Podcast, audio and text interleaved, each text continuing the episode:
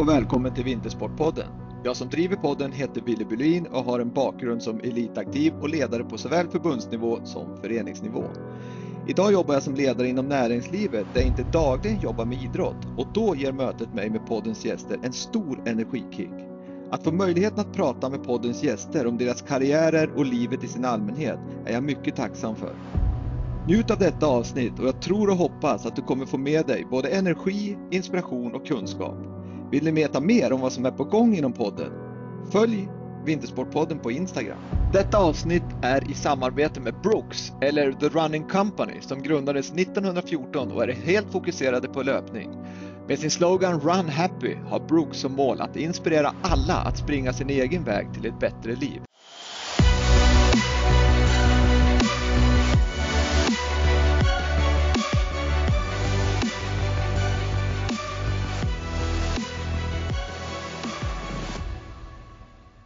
Dagens gäst i Vintersportpodden, idrottsprofessorn Christer Malm. Väl, varmt välkommen till Vintersportpodden.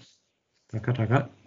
Det är grymt kul att ha en så kompetent professor i Vintersportpodden som ska prata om tidig specialisering inom idrott och eh, kanske elitidrott. Är det för barn eller för föräldrar? Det ska bli intressant att prata med dig om. Men innan vi går in på det så ska jag kort dra vem professor Christer Malm är. Han jobbar på Umeå universitet på idrottsmedicin. Han eh, har eh, erfarenhet som idrottare inom medeldistanslöpning och skidskytte. Han sitter i Svenska antidopings medicinska råd och han är mycket uppskattad, uppskattad och erkänd inom WADA, alltså internationella doping kommissionen kan man väl säga och fått fina utmärkelser där och han är en otroligt uppskattad föreläsare både på universitetet men även utanför. Eh, sen är han delägare och Head of Research på företaget ProTest Diagnostics som han ska berätta lite mer om. Det är en hel del saker som, som du har gjort Christer och gör och det ska bli kul att höra mer av, av din, din kunskap. Mm, det blir spännande att ja. se vilka frågor du ställer mig inför. Jajamän, men alla frågor som jag kommer ställa har du förmodligen otroligt bra svar och framförallt vetenskapliga svar på så att det ska bli kul att få lite vetenskap i Vintersportpodden. Men vi börjar tycker jag med, vi ska hålla oss till ämnet tidig specialisering och elitidrott, är det för föräldrar eller, eller barn? Men innan vi ger oss in i det så ska vi kortfattat ska du få berätta om företaget ProTest Diagnostics som du är delägare, grundare och Head of Research inom. För det hör till ämnet, för det har med doping att göra och hur ni kan förebygga doping eller ja, avslöja doping. Men kan mm. du berätta kort om ProTest Diagnostics? Ja, men det, ett, det började som ett forskningsprojekt det här. Jag fick en idé 2008 att man kunde spåra fryslagrat blod och eh, väldigt eh, sådär, en liten uppenbarelse. Jag, jag frös ner lite blod och tinade upp det och jämförde med färskt blod och, och såg att man kunde se skillnader då i proteiner, hur, hur protein, olika proteinnivåer eh, kan mätas då i de röda blodkropparna. Eh, kontaktade Arne Ljungqvist som var vice president i WADA då och sa att jag tror att vi har någonting typ på spåren här så att han hade ganska snabbt att fixa med forskningsanslag eh, från WADA och sen har det spunnit vidare på det där. Eh, så jag har varit, jag har haft förmånen att få eh, sponsring av WADA vid ett flertal tillfällen och sen när det börjar bli dags att alltså med, med kommersialisering, man måste ut med den här produkten, det blir som en, ändå en produkt, ett test som ska användas, då måste man liksom bort från universitetet och ut till sådana här ja, olika avknoppningsföretag eller inkubatorer har ju nästan alla universitet idag. Så att vi hamnade då på det som heter Umeå Biotech Incubator här i Umeå och där startade jag med eh, två kollegor, Nelson K. och Irene Granlund, eh, ett företag som heter Protest Diagnostics och eh, där har vi hållit på nu då att, att ta det här forskningsresultatet ut till ett användbart test. Och det är en ganska lång och bökig väg som ja, det är inte så många som har vandrat den vägen egentligen. Det är ju samma med diagnostiska test inom, inom sjukvården. Det är en väldigt lång och svår väg innan man har en, ett forskningsresultat ute på marknaden. Men vi, vi närmar oss. Och, och det, det testet då, det, det, går ut helt enkelt på, på att avslöja bloddoping? Det går ut på att avslöja det som kallas för autolog bloddoping, alltså när man tar ut sitt eget blod Eh, det här året och lagrar det till nästa sommar eller längre fram i tiden till ett OS eller en viktig final och sen för in det igen och då är det det, det egna blodet man för tillbaka och det finns idag inte något sätt att spåra det tillförlitligt. Aha. Oj då, det, det, det, känns som att det, när, när, när, tror man att det här testet kan användas i, i praktiken? Ja, det, det är lite svårt att säga. Jag, har sagt, jag, jag, brukar säga om, om något år, brukar jag säga. Det har jag sagt i flera år. det, det, är, alltså det är svårt att säga, därför att det, det är väldigt många steg som ska klaffa och vi, vi jobbar med, med fyra eh, antidopinglabb nu, Sverige, Norge, eh, eller tre dopinglabb, Sverige, Norge och Paris eh, som vi kör med tillsammans med nu då och håller på att validera det här och försöka trixa så att det ska funka i det dagliga rutinarbetet. Då. Men, men eh, du, du, är ju vetenskaplig så att du vill ju ha förmodligen liksom data på, på vad du säger. Men, men din uppfattning, vad skulle du säga på, på, en, eh, på uthållighetsidrotter? Hur, hur, hur många skulle du avslöja idag tror du om du, om du gjorde ett sånt här test? Ja, det där är ju, det är frågan om, det finns ju en del eh, säga, enkätundersökningar, man har frågat eh, tränare, idrottare, tävlingsarrangörer och alla möjliga människor, forskare, vad tror de? Hur många håller på med bloddoping? Och det, svaret brukar ligga någonstans mellan 10 och 90 procent. Så eh, det, det, det beror på, det är klart att, att går du på, jag, jag, jag, har ändå en känsla av att ju mer pengar det är inom idrotten desto vanligare är det att man dopar sig. Det finns mer incitament att dopa sig. Så att, Eh, jag vet, det, finns någon, någon eh, undersökning eller sammanställning från Tour de France för några år sedan och, och, där var det ju, jag vet inte om det är 85 procent av de som var topp 10 under de senaste 10 åren, när det var, de hade senare avslöjats för doping. Eh, Medan det är klart i, jag vet inte, orientering som är kanske inte så penningstinn sport, där, där vet jag inte om det är några bloddopingfall avslöjade, det är säkert något men det, det jag tror det är ganska starkt kopplat till mycket pengar som finns inom idrott. Det, det har du alldeles rätt i, för jag hade en, jag hade en podd med, med våran världsstjärna inom orientering, Tove Alexandersson. Och, och, hon sa just det att, att, för hon var inte helt så med på att det skulle bli OS-gren och att det skulle bli så mycket kommersialisering för att hon sa att då kommer det ju massa sånt här, liksom, både fusk med att man tränar på områden det ska vara tävling och det blir doping och så vidare så att då försvinner den här liksom, sköna fairplayen som finns inom orientering. Mm. Ja, men jag, det, jag håller med, det, det tror jag stämmer. Mm.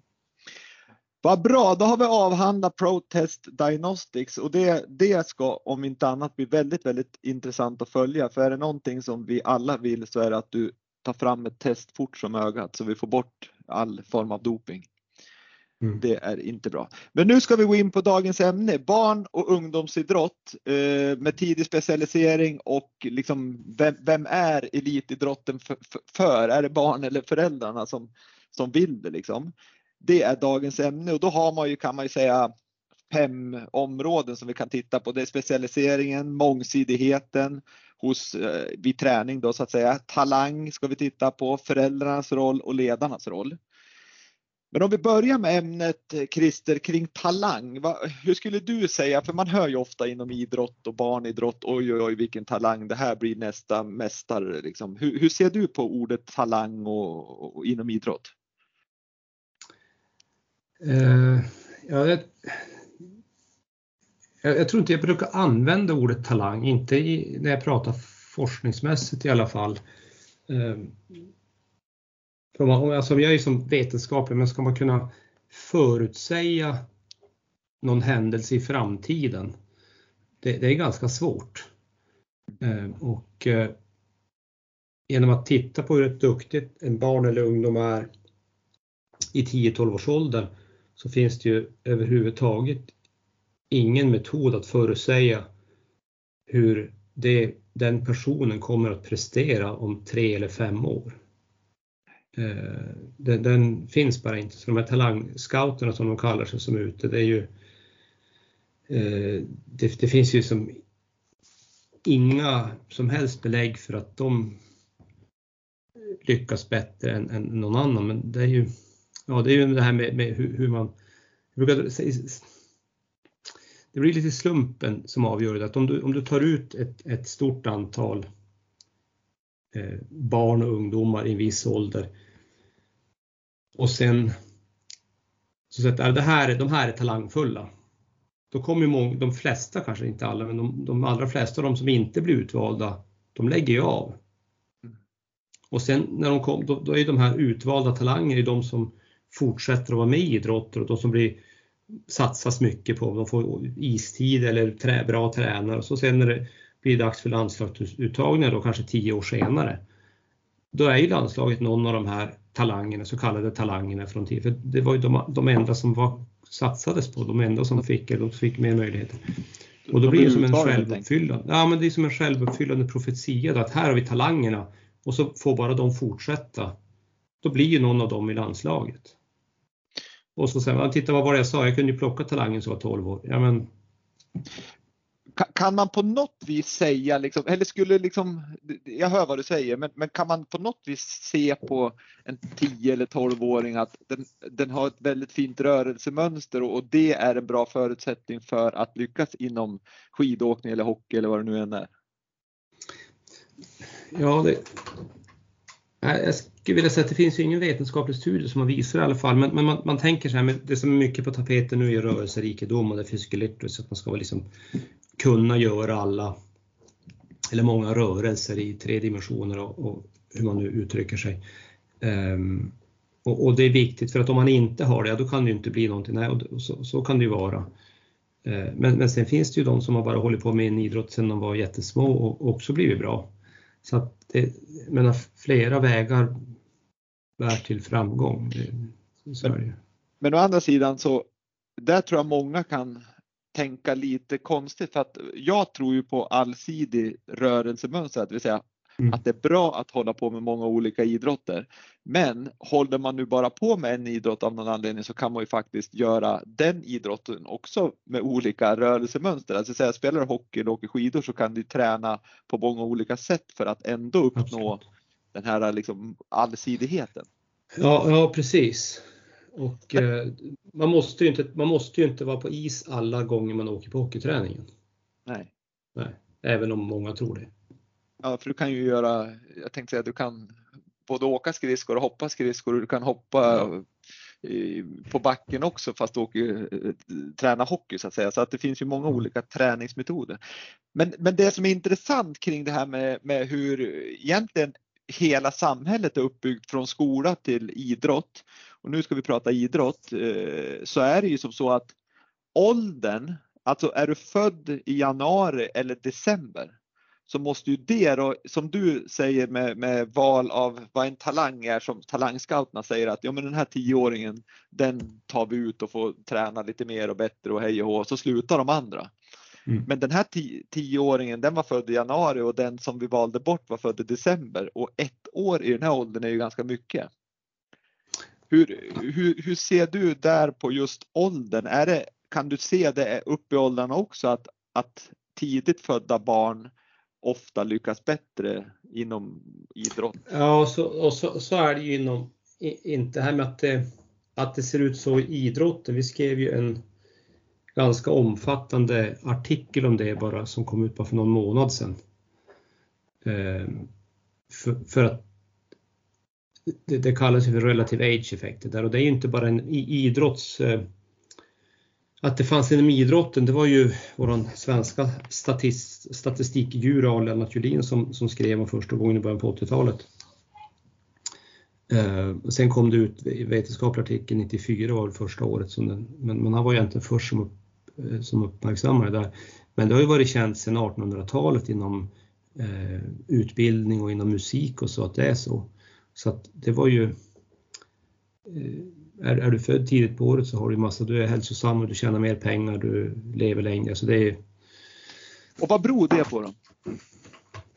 Ja, in, inom, inom idrotten, det är som du säger, att du, du, du väljs ju ut. Eh, om, om du gör den här selektionen väldigt tidigt så då faller ju de som inte blir utvalda. Det här är missam, alltså det är inte alla som är så här, alltså, ja, men det är inte svart eller vitt utan det är ju det är mer sannolikt. Och i, i, i, eh, i, i vissa grupper, i vissa idrotter så är det större skillnader mellan höst och vårbarn än i andra. Eh, men den här eh, jättestudien som vi publicerar nu som är 5,5 miljoner individer som jag tittar på när de är födda och hur, hur det har gått och relaterar det till prestation inom olika idrotter så ser vi att det här är ju, gäller i alla idrotter, det är orientering, schack, e-sport, det ser liksom likadant ut överallt. Eh, och, och, och det, det, misstolkas ju de som, som talang och sen, sen kan du naturligtvis hamna i landslaget även om du födde december, det är bara inte lika sannolikt. Nej, jag förstår, jag förstår. så är det ju med allting. Det finns ju alltid Ja, det finns alltid avviket. Så att, så att man säger, ja men ja, den och den var med i landslaget fast de är födda på hösten. Jo absolut. Och jag, jag, menar, jag är ju ingen världsstjärna men jag sprang ju ändå några finkamper så jag är född i augusti. Så att eh, har man bara lite jäklar anamma så det är klart att det går. Men, men och det är kanske lättare i en individuell idrott än i lagidrott. Det är ju mest uppmärksammat det här, den här skeva utvalet är mest uppmärksammat i lagidrotter där, där en tränare eller en ledare säger att ja, men de här ska vara med och de ska inte vara med. Håller man på som jag då med skidskytte, längdåkning och löpning och då, då kan jag, jag kan ju bestämma själv att jag får ut och tränar. Exakt. Ta mer an, eget ansvar och driva. Ja. Har du bara tron på dig själv och, och långsiktigheten så kan du ju ofta lösa det. Men, men, hur ser du på det här då Christer som, som har sån stor erfarenhet och du, du är professor inom området och, och, har forskat väldigt, väldigt mycket på det här. Men tror du en lösning skulle kunna vara att man istället för att tänka så mycket ålder när man, när man tar ett hockeylag eller skidlag eller vad det nu än är, att man tänker liksom lite mer nivåanpassat för att få fler att hålla på längre. För att de, de som är väldigt tidig i utvecklingen lider ju också lite grann av kanske att, att träningen anpassas för de som ligger långt, eh, lite senare i utvecklingen och vice versa. Skulle man kunna få fler att hålla på längre om man nivåanpassar istället för att titta så mycket på åldrar? Ja precis, det, det, är väl det. Jag jobbar ju inte så där med förbund och sånt, men det är väl det som många gör. Jag vet att för ett antal år sedan så hade jag någon föreläsning om det här ehm, och då, då var innebandy förbundet hade någon representant där som berättade att de höll på att se över det systemet och det är väl det som har, nu kan jag inte systemen här exakt, men de har ju varit ganska proaktiva där att, att man kan flyta mellan, eh, eh mellan lag och sådär. Att man kan ha lite spann, man måste inte vara född ett visst år. Eh, och, och, jag vet att det finns någon, någon för, på 80-talet försökte man göra det på ett ställe i New York State också i USA. Där man, hade liksom, man fick spela på sin talangnivå då, i basket. Men det var ju problem sen när man kom lite längre upp i, i åldrarna så då, då, då, var, då sa ju reglerna att du måste vara född ett visst år för att spela match. Och så, då föll det som när de... Så man måste bygga om hela systemet om det ska fungera.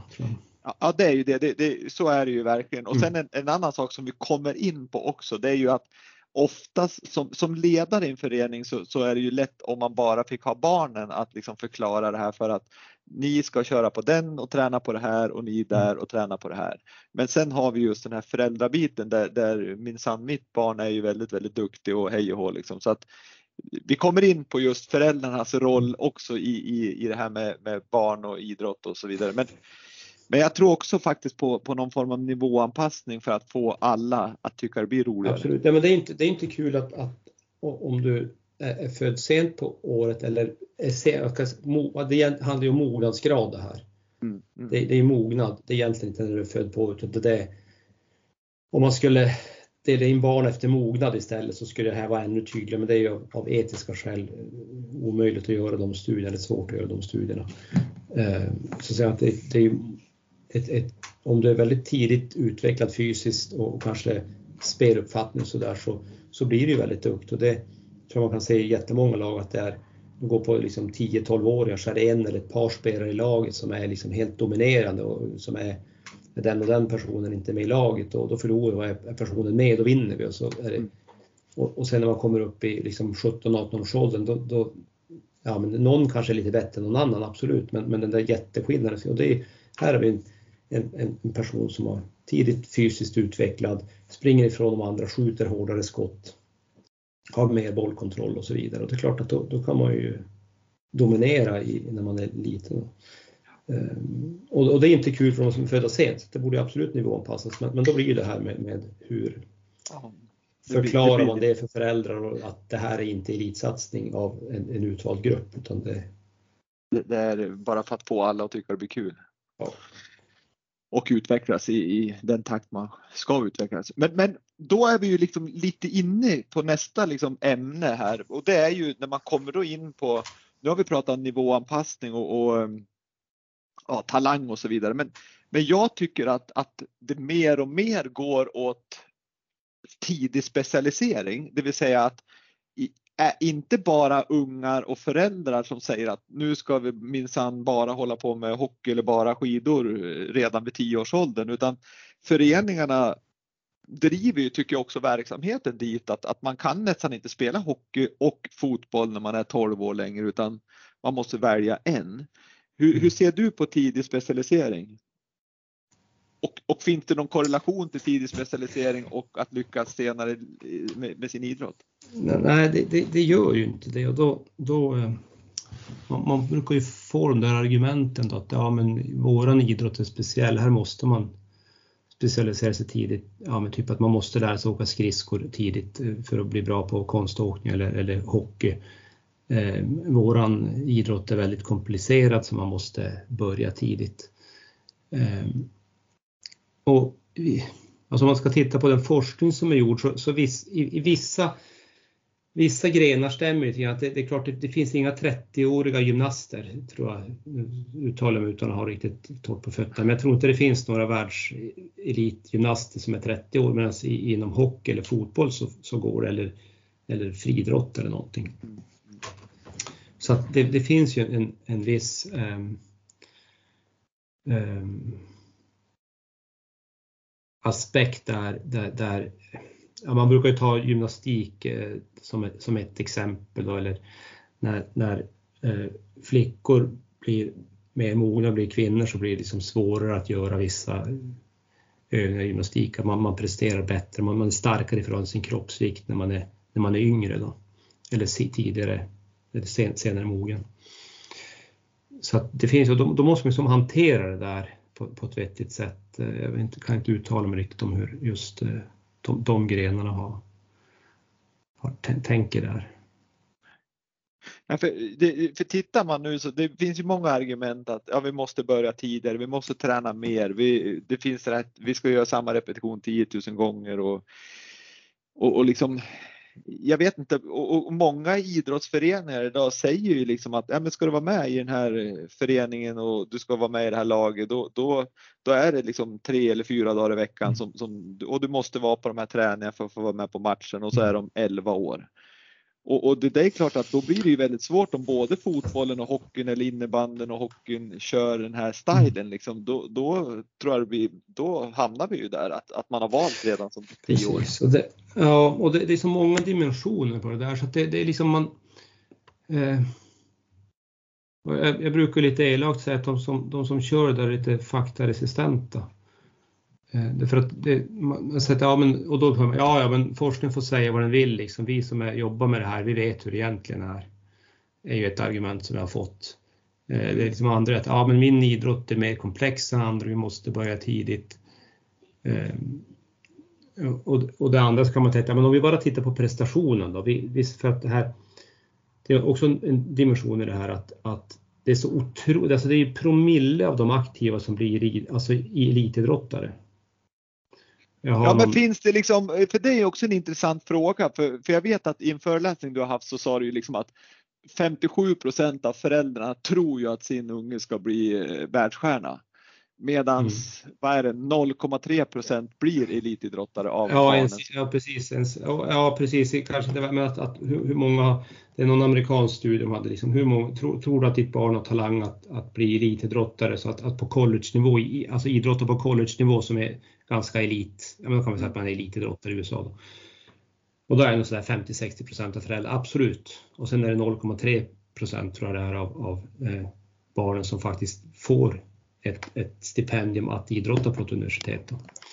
Så att det är ju som en, och det där, jag kan tänka mig, jag, tror, jag har inte sett någon studie från Sverige på det, vore intressant att göra om någon som håller på med sådana enkätstudier gör det. Jag har inte sett någon sån. Eh, hur, hur ser det ut i Sverige eller Europa? Men det, jag vet, det finns väl ingenting som skulle tro att föräldrar är annorlunda här då.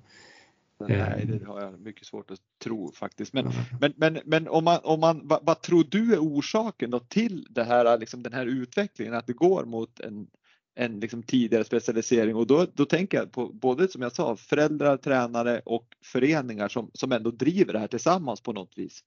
Har du fast, fast, fast, gör det, gör, alltså jag har ingen siffra på det. Jag har inte sett någon graf så här, som att visa att det är så.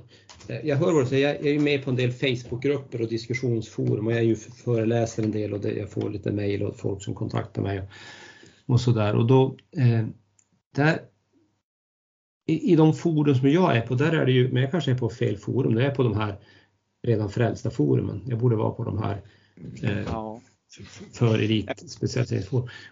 Och, och, där är man ju väldigt att ja, men förbunden skriver ju inte på, de skriver väl inte någonstans på en hemsida att vi ska köra tidig specialisering inom den och den idrotten utan jag tror att eh, stadgarna så att säga att man inte ska göra det men sen sker det inte i verkligheten.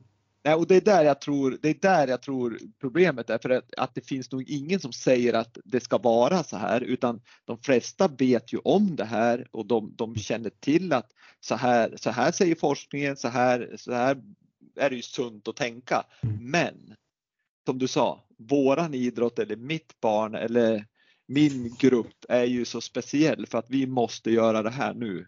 Mm. Och det är där jag tror, det är där problemet kommer, att man, man tillämpar inte det man faktiskt vet eller det som det finns forskning på. Nej, jag menar då, då är man ju faktaresistent. Och, och, men de här, de här eh, det, var, det var ju någon artikel i Aftonbladet, var det någon tidning här för bara för någon dag sedan. Där det, där det var något, någon sån här akademi som lyftes fram att här, här har man minsann fostrat en massa landslagsspelare. Um, och, och, och, det blir också det här, ja, okej, okay, men hur många av de totala som spelar går där då? Och det kanske är så att det är bara normala utfall för att det är ganska stora andel av de som håller på med elitidrott på, på seniornivå som har, som har gått på den här akademin och då blir det procentuellt sett si och så många som då hamnar i landslaget också. Eh, jämfört med någon annan mindre förening som, där det kanske är mer osannolikt att man få, få fram någon talang bara för att det är färre deltagare.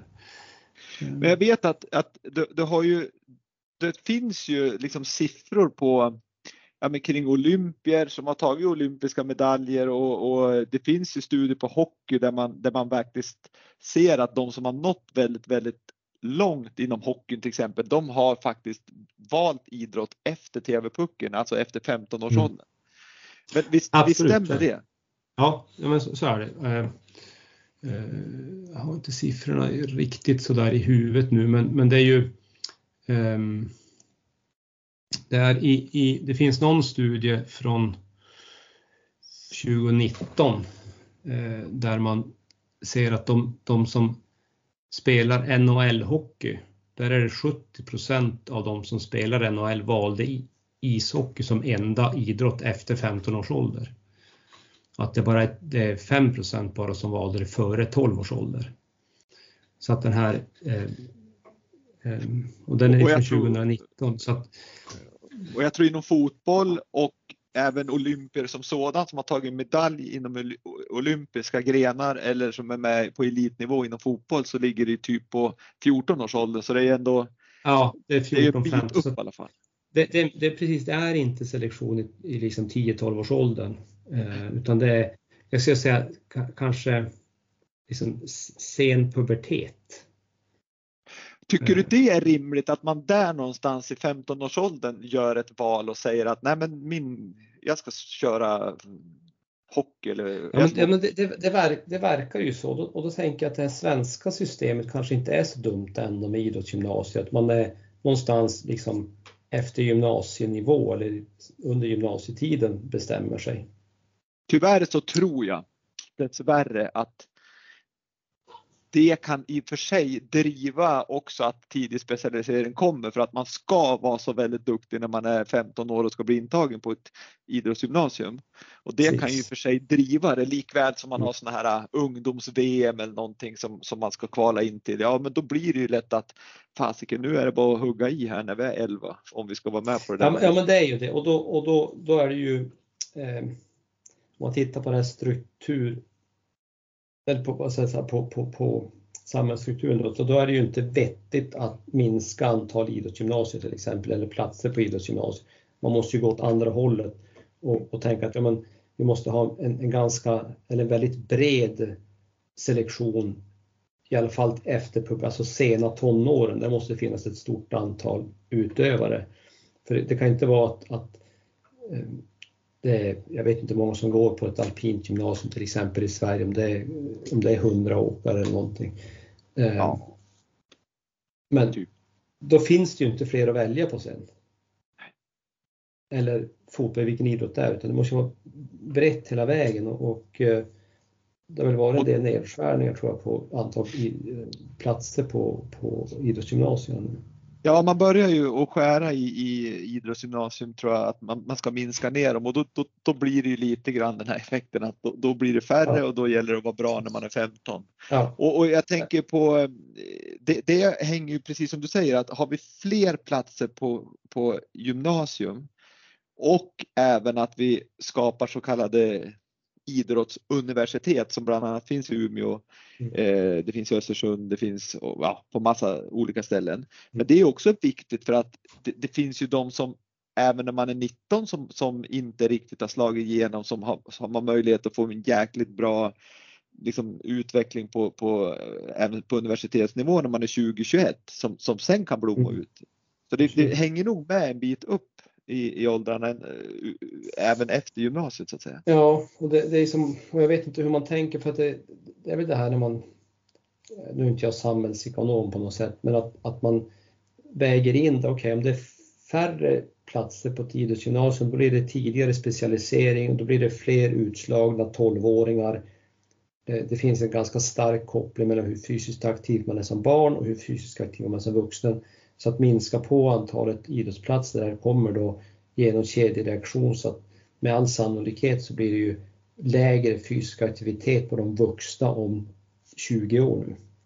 Och det får samhällseffekter på sjukvård och, det får, precis. Men den, den kedjan har jag väldigt svårt att se att man, man tänker på något. Om man tittar, okej okay, vi, vi behöver minska ner budgeten för, för gymnasieskolan i Sverige nu eh, med x antal miljoner, vad gör vi? Ja. Och, och sen kanske tanken stannar där. Nu spekulerar jag. Men, ja, men... Det, men det är bra, man får spekulera fritt. Vet du. Det, är alldeles eh, jätte, det, är en bra, det är en jättebra reflektion Christer, verkligen. Men, men en, en, som jag, en sak jag tänker på när vi, när vi pratar kring det här med nivåanpassat inom idrotten. Hur, hur ser du på samhället i stort? Alltså, nu har vi pratat idrott, men, men det finns väl tendenser till det här även i skolan som du nämnde liksom med, med vilka som har tjänat mest pengar och så vidare. Att, att det måste ju vara klart, börjar du i, i första klass som sjuåring och du är född i januari eller december, det måste ju ha liksom olika förutsättningar vad du går in med där när du ska lära dig saker. Men jag inbillar mig att, att utbildningsväsendet är ju eh, ganska långt före idrotten där. Att man liksom ändå eh, i alla fall den upplevelse som jag haft av mina barn som, som ju är gått ut grundskolan nu men där har man ju ändå fått liksom lite stöd här, alla ska komma sig igenom eh, nian i alla fall. Och då kanske man borde ha någon samma ambition inom idrotten att alla, eller så många som vill då ska vara fysiskt aktiva på något sätt eh, tills de går ut gymnasiet. Ja, för det är ju tragiskt att se hur, när det börjar dala antalet utövare på, på barnidrott. Det är ju inte vid 15 års åldern. Nej, nej, det är långt före. Ja, så det är ja. ju, nej det, det, är inte alls kul. Men du, eh, för att vi ska hinna med våra områden här så ska vi dra vidare här kring, kring uh, specialisering har vi pratat om. Vi har tittat lite grann på åldrar där, men, men om vi kommer in på hur, hur ser du att liksom föräldrarnas roll i den här problematiken är? Alltså, du har ju, ett, du har ju liksom, i din föreläsning så, så kallar du elitidrott för barn eller föräldrar. Mm. Hur, hur, är dina tankar där? Ja, men jag, är lite, eh, jag, är, jag, är, lite provocerande där, men det finns en, en eh, eh jag fick egentligen tanke, jag läste en, en studie av en psykolog som heter Toffler som 1998 eh, kallade den här, eh, och det var egentligen inte inom idrotten utan han kallade den patologisk eh, eh här, den heter, artikeln heter Pathological Achievement by Proxy Distortion can represent the variation of child abuse, heter artikeln. Mm. Så att den här, eh, att, en, en prestation, proxyprestation, alltså föräldrarna försöker göra sin egen karriär via barnen. Och han pratar inte om idrott här utan han pratar liksom i allmänhet. Att jag fick inte någon utbildning, alltså ska mina barn eh, få en utbildning. Jag ville bli läkare men fick inte, det kunde inte, alltså ska mitt barn bli läkare. Och att den här påtvingade prestationen då som föräldrar gör, att det är en form av, av barnmisshandel. Och, och, med tanke på att barnkonventionen förra året blev lag i Sverige, där man alltid ska se till barnets bästa, så eh, ska man hårdra det så, så, är det väl någon anmälan till slut om en förälder som driver det här för hårt och man kan säga att ja, men det här är en form av barnmisshandel, det här är inte för barnets bästa, alltså bryter det mot, mot barnkonventionen som är lag i Sverige. men det ligger mycket i det och, man brukar ju köra ofta den där saken bara för att man inte själv inte lyckas i sin idrott så vill man lyckas genom barnen. Men, men det är ju lika här att inom idrotten och inom alla föräldrar som håller, eller alla, men de, många föräldrar som har barn som idrottar och så vidare är ju kloka människor som, som både är högutbildade och smarta och väldigt liksom, ja, men kloka människor. Men det är lite grann som vi var inne på tidigare att det här eh, alla, många vet det vi har pratat om det här med mm. inte tidig specialisering och, och man liksom, vad ska jag säga, din ja, men din prestation är, blir din självbild lite grann sådär. Och, och, men, men det, det, är nog på, på något vis som att det gäller inte mitt eget barn eller det gäller inte vårt eget lag eller vår förening utan det gäller bara de andra. Mm. Men, men hur, hur fasiken skulle man kunna komma få bukt med det här liksom att den här forskningen som ni har gjort, den, den, den, den, det är ju verkligen forskningen är gjord på barnen, på föreningarna inom idrotten. Det är, det är ju verkligheten. Men hur mm. lyckas vi få ut det här till föräldrar och föreningar och ledare? Ja, men jag tänker att det måste, jag är ju som inte någon organisationsspecialist, men, men att, att man ska ha ett incitament att inte göra det här. Varför ska jag, så att till exempel som, som vi pratade om med gymnasieskolan, om, om eller vi, vi, kan ta det amerikanska systemet, fast det har ju blivit lite mot det i Sverige. Okej, okay, vi har börjat ha idrotts, eh, alltså man kan vara idrottare på eh, universitet eh, och vi har, och det är lite grann åt USA, jag, jag pluggar själv på ett idrottsstipendium i, i USA under fem år, fantastiskt bra. Eh, och, och jag kom ju utifrån, så för mig hade jag kunde plugga på ett universitet i Sverige också, men i USA är ju då ett idrottsstipendium värt kanske en eller en, två miljoner beroende på vilket universitet du kommer in på. Det är fruktansvärt mycket pengar för föräldrarna om barnet lyckas få ett stipendium inom idrotten. Så där finns det ju faktiska ekonomiska incitament att, att, eh, att barnet ska lyckas och få ett sånt där idrottsstipendium. Eh, och, eh, så, så det är väl en grej, det är, det är kanske lite faran att, att eh, det lutar åt det hållet, tänker jag, med, med att man ska måste, som man måste eh, vara bra redan i 10-12 års åldern kanske för att hålla då kunna prestera när man är 15 för att få ett komma in på, på idrottsgymnasium sen. För att om man inte kommer in där så är det lite, ja, då är det nästan kört att fortsätta sen. Så att jag tror det måste på något sätt styras det där. Eh, och jag vet att vi i något annat sammanhang så behöver vi prata om att ska man ha ett idrottens, någon, någon typ av årshjul, att man när man planerar det här. Eh, för jag vet att det finns ju initiativ inom vissa kommuner att man, man skriver kontrakt att med, med, mellan kommun och skola och klubbar det här att man ska inte lägga säsongerna så att de krockar med varandra. man ska kunna hålla på med tre idrotter under ett år. Att du ska kunna spela basket och sen bas, då får de inte ha basketträning under sommaren för då är det liksom orientering och simning eller vad på hösten så är det andra aktiviteter så att man kan liksom växla. Jag, jag ritar symboliskt någon gång som en tårta med tre bitar så att man kanske kan ha Först ska man ha en kraftidrott och så ska du ha en konditionsidrott och sen ska du ha en teknikidrott eller aktivitet då, eh, under året, att de här inte ska överlappa. Tror ja, det, det... det är en intressant tanke och sen en annan, ett, ett annat liksom verktyg som kommunerna skulle kunna använda just i, i det här det är ju att om, om man inte tillåter det här som du säger att, att att idrotterna de, de har sina liksom säsonger så uteblir kanske bidragen eller någonting. Men då blir det också lite kontraproduktivt. Alltså då kan man ju också få effekter som blir negativa, att föreningar inte kan bedriva verksamhet och så vidare. Ja, men, ja. men, förstår du vad jag är ute efter? Att, att jag tror att man måste styra det här för det går.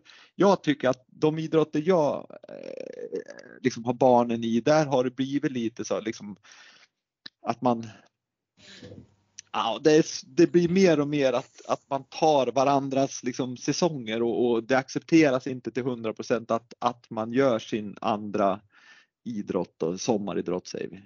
Och det, det är ju lite farligt. Jag Ja, och då, då tänker jag att jag, det, det, är lite, alltså att, att, att, att det måste på något sätt styras genom, genom hur idrotten alltså de styrande organen inom idrotten eh, planerar så att ja, men det är, nu är det säsong från det datumet till det datumet mm. och sen är det, är det uppehåll och då, då ska man inte ha träning heller utan då eh, och det, men det är som du säger att om man, om man kunde hålla sig till att om man inom en viss idrott kunde variera träningen, men nu har vi, nu, nu har vi den här idrotten, det är tävlingssäsong, nu kör vi det och sen har vi nu eh, fyra månader då vi, ni, ni kommer på samma träning, det är samma gäng och sådär för att man har ju kompisarna där. Eh, men vi gör något annat inte den här som vi ska tävla och så sen eh, liksom tre månader före matcherna börjar, då börjar vi om och så börjar vi liksom preppa inför match eller tävlingssäsong då igen. Men vi har haft ett uppehåll på ett antal månader då man har gjort något annat. Eh, ja. ja. Det, nej men det, det är ju, ja, det, man kan ju vrida och vända på det, men jag tror också att det, är nog bra att man, att man gör någon sån reglering att, att, att från något styrande organ inom idrotten så att vi får. Ja, får... Jag tror inte att man är, man är, man är som, som tränare eller förälder kanske i de allra flesta fall liksom stor nog eller står över sig själv. Man, eller det, det, det är liksom, de studier som finns visar ju på det att nej, det funkar inte. För det blir den här tidiga specialiseringen. Man skickar tioåringar på någon akademi i Spanien och betalar liksom 100 000 för att barnen ska få träna fotboll några veckor eller vad det kan vara. Mm. Och, och tänk för att talangscouter, men det är klart det är ju pengar, de, de tjänar ju pengar på det här, det är inte någon annan som driver dem där. Nej, så är det ju verkligen. Mm. Men, men och, och egentligen, det, det, man kan råda bot på det här till mångt och mycket också tror jag, och att, att som tränare eller förälder våga, om jag får säga våga stå emot den här tidigare specialiseringen, att grannen eller bästa kompisens föräldrar åkte till Spanien och betalade det här lägret eller åkte till ja, vad det nu kan tänkas vara, Österrike på skidläger. Har du utbildning, utbildning, utbildning, har du det, då tror jag också att du kan förstå och våga säga att nej men vi ska inte åka till Spanien på något sånt här läger utan vi har ju, nu håller vi på med gymnastik. Mm. Eh, så att utbildning, ja. för att jag tycker du har en jättebra liksom, poäng i, i en föreläsning du hade, en lunchföreläsning uppe i, i Umeå och en bild liksom hur man värderar sitt barn där du gör en jämförelse med att om barnet blir sjuk och, och, du tänker vem ska jag gå till? Ska jag gå till grannen Roger eller ska jag gå till en jätteduktig läkare? Ja, då går du till en jätteduktig läkare när de har ont i knät till exempel. Men när det gäller idrott många gånger så går man ju till vem är det som vill hålla i träningen för att det, det finns som ingen annan. Alltså ideell ledare kanske är det enda du inte behöver utbildning för att få vara. Nu raljerar jag lite grann men, men, men, men jag förstår också det att, att det är låg utbildningsnivå på, på många ideella ledare för att det finns få som vill hålla på och på något vis så lägger de ner mycket tid och, och, och sin liksom, fritid på det här så man kan inte ställa så höga krav. Det är den ena delen och skulle du skicka in en, liksom, en proffstränare till det här laget som, känner, ja, men som vet hur, hur allting ska funka och så vidare. Ja, då kostar det pengar och då blir kanske idrotten inte tillgänglig för alla istället då för att man inte har råd att vara med. Förstår du? Ja, det är många. Ja, nej, men det, det, här är, och det är ju det är en debatt som, som du säger, jag har ju hört frågorna förut och, och just det här har vi ju debatterat eh, senast var i, i Umeå för några veckor sedan hade vi en sån här forskningsinteraktionsdag med samhället och, jag menar, idrottsförbundet och, och SISU och de här var med. Vi hade precis de här diskussionerna. Eh, och jag tänker, ja men det, är, det, det är ju det, det, ja, men kräver man då utbildning, ja då försvinner för föräldrarna, ja, men de, de stressar hem från jobbet, i, göra lunch eller middag till barnen och så ska en på den ena träningen och två på den andra och så är det jättestressigt och inte hinner man gå någon utbildning för det här inte. Eh, å ena sidan. Å andra sidan vet man då att, att när man kommer till träningen så, så eh, då, då, då, egentligen krävs ju den här kunskapen. Det, det är inte på något sätt rocket science heller det här att förstå det. Eh, Nej. Det är men, men det, det, det, man vet det som du säger, man vet, man vet det men när det ändå kommer till kritan och agera så agerar man på någon så att, ja, nej, så det, det, nej, det, det, är inget, det är inget krav på, på att vara, eller ingen licens för att vara förälder heller. Men, men jag tror ju till mångt och mycket så, så är det liksom Alltså, jag tror ju mycket av lösningen som sådan är utbildning och då menar inte jag utbildning i hur man ska skjuta ett slagskott eller svänga runt en blå och en röd käpp och så vidare utan det är snarare utbildning om, om eh, ja, men barns utveckling och, och eh, vikten av rörelse och, och, att man inte är som bäst när man är 12 år och, och så vidare. Så att, för det skapar ett självförtroende hos en förening eller en förälder eller en ledare att, att våga tro på en plan man gör för, mm. som är långsiktig. Jag har, jag har ju en, en sån där fråga, jag har inget svar på det, men som jag funderar på. Det är som att, jag undrar hur många före detta elitidrott som själva har varit elitidrottare som, som faktiskt driver sina barn till det här. För det här med att ja, men det, det, det som är den där föreläsningen kallar för parental proxy performance, alltså att man vill skapa en, en prestation via sina barn. Um, att jag har ju någon förutfattad mening om det, att ja, men det är de som kanske själva inte fick möjlighet eller inte lyckades eller inte orkade eller kom på sen att jag skulle ha. Eh, men hur många som satsade och gick hela vägen, kom med menar, på landslagsnivå eller något sånt där, eh, skulle själva då pressa sina barn att men nu ska du satsa, du, jag, jag, jag tog med mig landslaget i fotboll, det är självklart ska du också göra det. Liksom, jag tror väldigt få. Men det, Ja. Jag, jag, min uppfattning också att det är få för att på något vis har de en ganska, ja men de har en ganska, dels vet de kanske uppoffringar och sådär att de, de, de, de kanske liksom inte vill stå där heller för att de kanske är lite less på, på vad de har hållit på med under lång tid. Men sen mm. tror jag också att, att att de är nog, att de är lugnare, de har den här tryggheten och kunskapen att det, det, liksom, det behöver inte vara någon så superstress utan, utan vi gör det här nu och, och vill du och, och liksom, ja, men att du, du, får de här möjligheterna till långsiktig träning så, så kommer det bli bra mm. ändå om du vill det. Liksom.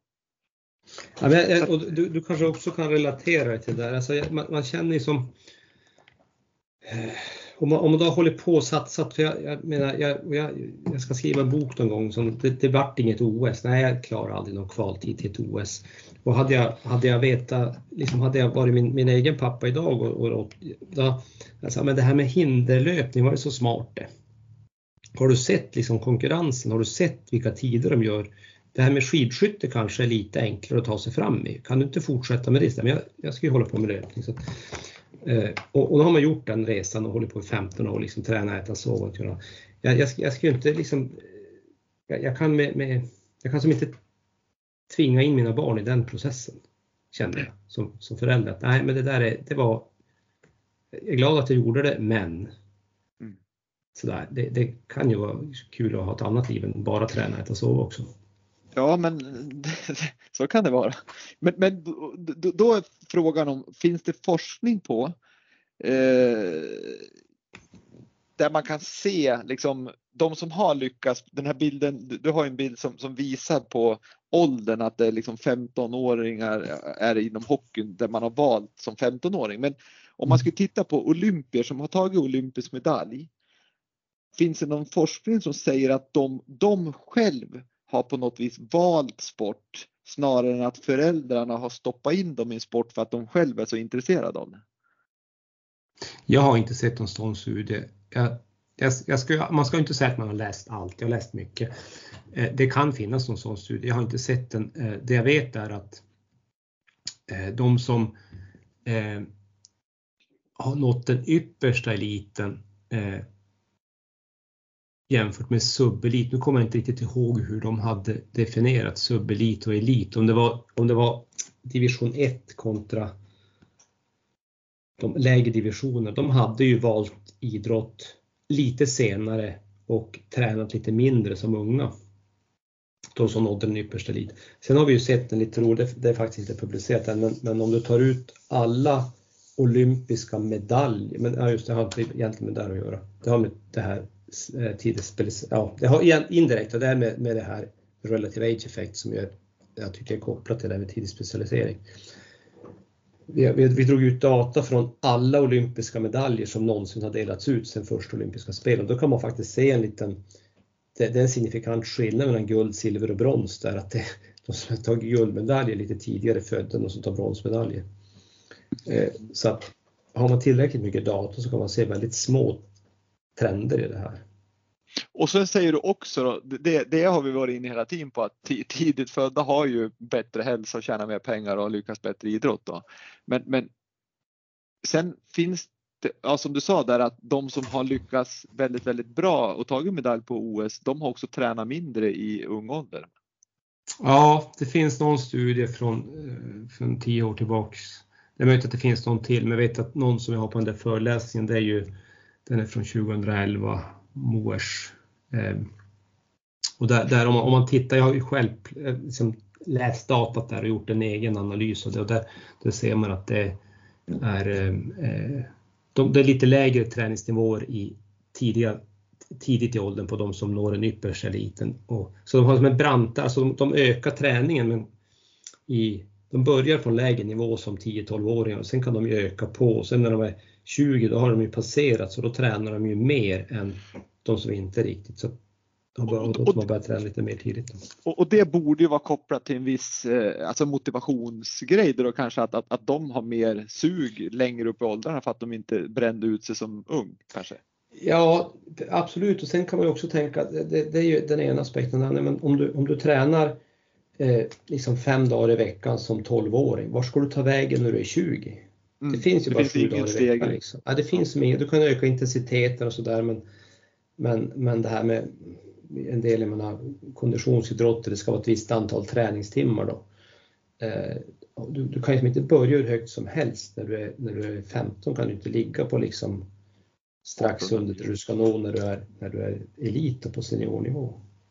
Men å andra sidan, de kanske har tränat mindre i sin gren. Om du blir världsmästare i, eller olympisk mästare i, i längdhopp, då kanske de har tränat mindre där, men de har hållit på med tre andra idrotter också. Ja, forskningen visar ju att det är så. I, i, ja. Alltså, mer sannolikt ska jag säga. Det är inte så att, ja men så är det inte, nej det är inte alltid så. Det är bara mer sannolikt. Så att om man ska liksom spela på Lotto här, hur, hur, om jag vill att mitt barn ska ta sig med i landslaget, vad är, det, vad är det sannolikaste vägen att komma dit? Ja, men det är att hålla på med flera idrotter som början och sen ser du när du är 15, 16, 17 någonstans kanske att ja, men det här är nog den som du har. Då kanske man kan säga att den här som du har mest liksom läggning för eller känner det här med, med inre motivation, för grit inom forskningen, att man har en inre drivkraft är otroligt viktigt. Du kan ju ha vilken talang som helst. Eh, vill du inte så blir det ingenting. Och då kanske Nej, att, ja, men, ja, så du måste ju känna att du har viljan härliga uttrycket som, som någon sa, det är ju att eh, liksom en tränare kan ju ge förutsättningar. Alltså vi, vi, kan ju leda hästen ner till vattnet men dricka måste ju hästen göra själv och, och det är ju liksom det du säger egentligen. Ja, du måste genomföra träningen och gå och lägga dig och käka rätt och liksom under, under kanske tio års tid innan du vet, blev det något? Mm. Mm. Mm. Nej, men det är intressant och sen, sen har jag liksom om, om vi kopplar på, nu, nu, har vi pratat om träning och tidig specialisering och så vidare. Men sen finns det, jag tycker det var en jäkligt bra bild som du också visade med en snögubbe. Eh, ja, du hade som en snögubbe där egentligen, det det går ut på det är ju att jag tror att tidig specialisering och det här trycket från föräldrar att, att man ska lyckas genom sina barn, det skapar ju också att, att individen den blir, alltså deras självbild blir vad de presterar. Mm. Och det kan ju också få en jäkligt dålig liksom, eh, vad ska jag säga, psykisk hälsa. Och det mm. påverkar ju naturligtvis också om man orkar hålla på länge eller inte. Mm. Ja, ja, precis, att när, när din, när din eh, den, där, den där snögubben, den har jag faktiskt hittat på själv. Eh, ja, du kan ju beskriva den kanske. Ja, men det är liksom en, en, en snögubbe. Man säger att, att eh, man har liksom den här fysiologin som är kroppen då. och huvudet i den mentala prestationen och sen har du, eller den mentala kapaciteten och sen har du då liksom som fjädrar i hatten på den här snögubben i, i din prestation då. Och, och, så länge det är fjädrar i hatten i din övrigt ganska stabila, du är den här tunga människan som står stadigt på jorden med den stora basen som är din, din självbild då. Men när prestationen blir så att självbilden eller prestationen blir självbilden så att prestationen åker ner och blir den här basen som du står på så att om jag inte presterar då ramlar jag omkull. Mm, mm, mm, eh, då finns det. jag liksom inte utan ligger på backen och då, då blir det problem för att du kan inte alltid i alla lägen prestera. Och det här är ju liksom finns ju massa forskning på det. Det här skapar ju då överträning, det skapar eh, olika ätstörningar, det skapar liksom skaderisker. Du, du presterar ju inte bra. Och eh, sannolikheten att man då slutar eh, för att man, man inte pallar trycket och den är ju stor. Och då, då, då kanske det många gånger har gått så långt också att, att individen mår väldigt, väldigt dåligt för att det, ju, det krävs ju ändå att, att en individ kommer upp kanske en viss ålder när man, när man ska våga säga ifrån också att nej men nu mm. är det bra, jag vill inte hålla på med det här. För som, som 11-åring kan det vara väldigt svårt att, att, att mm. säga till, till en, en förälder som vill någonting väldigt, väldigt mycket eller en tränare eller vad det nu är. Mm. Så att jag, jag har, en, för att återkoppla till det här med att jag, jag avslutar ju eh, den, den, här föreläsningen som, som ligger ute då eh, med att, att just att det är utbildning som krävs. Men då efter jag gjorde den där, det är ju två, tre år sedan kanske, då, då eh, som, ja, men vem är det man ska utbilda egentligen? För att okej, okay, men föräldrarna, de flesta har inte tid. Alltså man, när man har småbarn och alltså upp tills de flyttar hemifrån, eller på att säga, då, då man, har, man hinner inte. Eh, och, och eh, tränare, ja men de, om det är en, kanske man, man kommer lite upp i sig, där är någon utbildad tränare, någon, någon, någon förälder som satsar mer där, eller någon som har äldre barn och kommer tillbaks liksom och tar hand om det här. Och då, de kan ju också vara utbildade, okej, okay, men då, då kan de ju, varför är de där? De kan ju driva det. Så det, kanske, det kanske är barnen som ska utbildas, tänker jag. Ehm, så att de själva förstår det här. Ja, för, ja du, du, skapar ju, du skulle ju få en väldigt härlig, liksom, för det första så skulle du få en grymt härlig dialog med ungarna som, som utbildar och sen skulle ju de få en tankeställare. Sen gäller det väl då bara att de vågar ta den här liksom diskussionen med en tränare eller förälder som verkligen vill lyckas genom barnen. Är du med på? Ja. Det är väl det, Men jag tänker kanske... att de, eh, när jag var liten så då var ju rökning en stora grej. Man skulle få, liksom, man skulle sluta röka och, då, och det, det, det, var ju som vi, som jag uppfattade då, nu var jag bara liksom tio år, att det här med rökning det var ju död. Mamma och pappa röker, det här går liksom inte för det hade vi fått lära oss i skolan. Röka ska man ju inte göra. Mm. Så att jag, jag eh, tvingar ju mer eller mindre med föräldrar att sluta röka. Liksom. Det fanns ju inte. Ni kommer att dö om ni håller på det här. Det helt, och, och jag tänker att, så att barnen kan ju ändå påverka föräldrarna, tänker jag. Ja, men jag tycker det är en intressant eh, vinkling på det för, för att eh, det spelar ju som vi sa tidigare, det är många föräldrar och ledare som är smart och kompetent och får utbildning och förstår det här, men det gäller inte mina barn. Eh, men men Nej, alltså, barn är mer liksom, får de reda på det här så, eh, eller får reda på, men utbilda sig i det här på, på deras liksom, nivå, då tror jag man, man kanske skulle, det kanske inte är någon dum idé. Men kolla på miljörörelsen, som Greta-rörelsen. Mm. Det är klart att barn kan påverka. Och de vet att men man, ska inte hålla på, man ska inte hålla på med samma idrott. På att nu pappa och mamma, nu, nu har jag spelat hockey här. Nu, nu byter vi. Nu, första maj här så byter jag till fotboll eller bågskytt eller vad det nu kan vara. Och så håller man på med det och så sen när det blir höst, ja men nu, ska jag, nu springer jag orientering tre månader för sen kommer hockeyn igång igen. Nej, Christer, det där var en, en härlig vinkling på det. Det är kanske det som RF ska driva nu, att, att utbilda barnen mer. Om inte annat så kan ju föreningarna ta till sig det här, de som lyssnar, att, att, att på något vis eh, ja, men införa någon form av eh, utbildning i ämnet.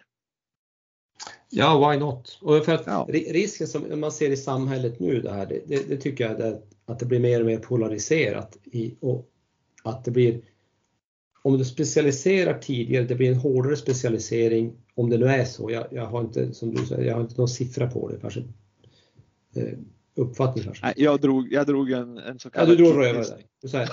En, en killgissning. Ja. Eh, ja, men det, det, kanske är så. Men, men oavsett om det är så eller inte, så att för att förebygga, det blir mer och mer specialiserat att, att eh, det blir eh, eller polariserat så att det blir en, en del av samhället är vältränat och hälsosamt och den andra delen som då lägger av och blir utslagna de blir soffliggare, de blir ohälsosamma och så att det blir som två istället för att ha en, en homogen hyfsat hälsosam befolkning så har vi en ohälsosam pool och en hälsosam pool. Ehm, så att eh, jag tror man måste, ja, man måste stämma i bäcken lite grann. Här ja, och, och, här kanske den här pandemin som vi är i men som vi börjar förhoppningsvis ta oss ur har väl visat det här också att, att de som har varit mer hälsosamma har ju klarat sig bättre om man säger generellt sett då. Eh, ja men absolut. Så, så att, att, eh, att, att, är man, har man en bra fysik så då klarar man ju många sjukdomar mycket bättre. Så det är ju, jag menar fysisk aktivitet är kopplat till otroligt, det, och det, det som man pratar om fysisk inaktivitet kanske man pratar mer om nu att stillasittande i sig liksom, och fysisk inaktivitet är ju den, den stora boven. Här. Nej, men du Christer, det är otroligt. Eh, vi skulle kunna sitta i timtal och bara prata om det här, men nu har vi pratat om specialisering eh, som vi ska inte hålla på med i ung ålder. Vi ska hålla på att vara mångsidiga. Talang är någonting som är svårt att säga för man kan inte förutse hur, hur man ska vara när man är 20 år, när man är 10 föräldrarnas roll i det hela och hur de försöker påverka ungarna och, och, lyckas med saker man själv inte lyckas med och ledarnas roll i det hela. Och vi har kommit fram till att man bör, bör kanske utbilda eh, utövarna, alltså ungarna istället för, för föräldrar och ledare för att få en större förståelse för, för problematiken och varför man ska göra saker och ting. För barn kan mm. påverka på ett väldigt bra sätt. Eh, och jag tycker jag, jag, är jätteglad att du har tagit dig tiden att prata med mig och, och förmedla din otroliga kompetens och din långa eh, forskning inom, inom det här området. Eh, så att, men om man, om man på något vis vill följa ja, men din forskning inom det här området eller din, din forskning inom, inom eh, bloddopingen där, va, va, har du någon, något ställe man kan göra det på? Alltså, folk har försökt få mig att börja använda Twitter. Jag är ju inte där. Eh, eh, så jag, jag har funderat på det och sagt du måste vara på Twitter. Jag har ju något Twitterkonto men jag använder inte. Eh, jag har, på dopingen så har jag på Facebook då en, en Fight Against Doping. Mm. Finns det en Facebookgrupp som heter, där, eller en Facebook-sida som heter, där, kan man, där brukar jag lägga ut det jag hittar som är relevant inom antidoping eller ja, doping och antidopingarbete då. Um, sen, sen finns det min forskning, ja det finns ju på universitet, alltså, det du säger, jag kände att nej, jag har inget bra svar på det för jag borde kanske tänka till där på att den, den sociala närvaron där. Det, det, det, tycker jag du ska göra för det är ju ett jag tror att för många är det här ett ämne som är helt brutalt eh, intressant och jag, jag kan tipsa allihopa om, om eh, föreläsningen som du gör på som finns på Youtube. Och, jag har en Youtube-kanal har jag faktiskt. Ja, du har det? Det har jag. Ja, och där, okay. där, ligger, där, där, kan ni läsa, där, kan man ju, där har jag lagt ut, jag har varit väldigt generös, jag har lagt ut liksom fysiologiföreläsningar som jag har på universitetet. Det ligger ett antal timmar där om forskningsmetodik och eh, arbetsfysiologi och hjärt och kärl och grejer. Och där ligger också en, eh, eller två varianter av den här Elitidrott för barn eller föräldrar? Ja, och sen ja. den, den, som är på Youtube den är ju live-inspelad av, av universitetet. Den ja. ligger också ute. Men det finns på, på uh, Youtube-kanalen alltså, ja. som heter Christer Malm? Den heter Christer Malm, liksom idrottsfysiologi. Ja. Men den, den är ju, där kan ni titta då, för den är jättebra just den tycker jag som heter Elitidrott för barn eller föräldrar. Otroligt uppskattad och jag vet att den har haft nästan en miljon uh, views så att den, det är många som har tagit Ja, det var helt galet. Eh, jag tror att det norska idrottsförbundet la ut om sin hemsida och då tog det fart. Och det skulle många behöva göra tror jag. Och, och, ni som lyssnar, gå in och titta där tillsammans med att lyssna på det här såklart. För, för det här är kunskap och det är viktig kunskap som, som ska få oss långsiktigare och friskare som, som vi pratar om det här hela samhällshjulet. Och fler Men, olympiska medaljer. Ja, så är det också. Ja. Jajamän, på köpet ja. som, mm. som en bonus Precis. Men eh, vi ska göra precis samma sak med dig Christer som vi gör med alla andra gäster som är med i Vintersportpodden. det är att avsluta podden med en fråga som det krävs inget långt svar utan det kan vara ett ord väldigt kort. Och det är en enkel fråga tänkte jag säga. Men kan du säga en faktor för att bli en duktig idrottare? Ja, då är det jävlar anamma. Ja, bra svar. Mycket bra svar. Jag hade ingen talang som barn. Det vart några finkamper i alla fall. Ja, och där kan man se att eh, vilja, vilja och jävlar anamma slår allt. Ja. Helt perfekt. Chris. Och så, väl, och så välja rätt föräldrar från början. Men det ja, det är, är det så? ja, ja, precis. Det är det viktigaste. Ja, gener. Men Christer, ett stort tack för att du var tack med i Vintersportpodden och eh, jag önskar dig stort lycka till med forskningen på universitetet och även då inom Protest Diagnostics som, som jag hoppas verkligen att du kommer fram med en lösning ganska snart så vi tar alla som vill fuska. Stort tack ja, och stort lycka till! Jo. Ja, tack så mycket. Tack, tack. Hej. Ha det bra. Hej, hej.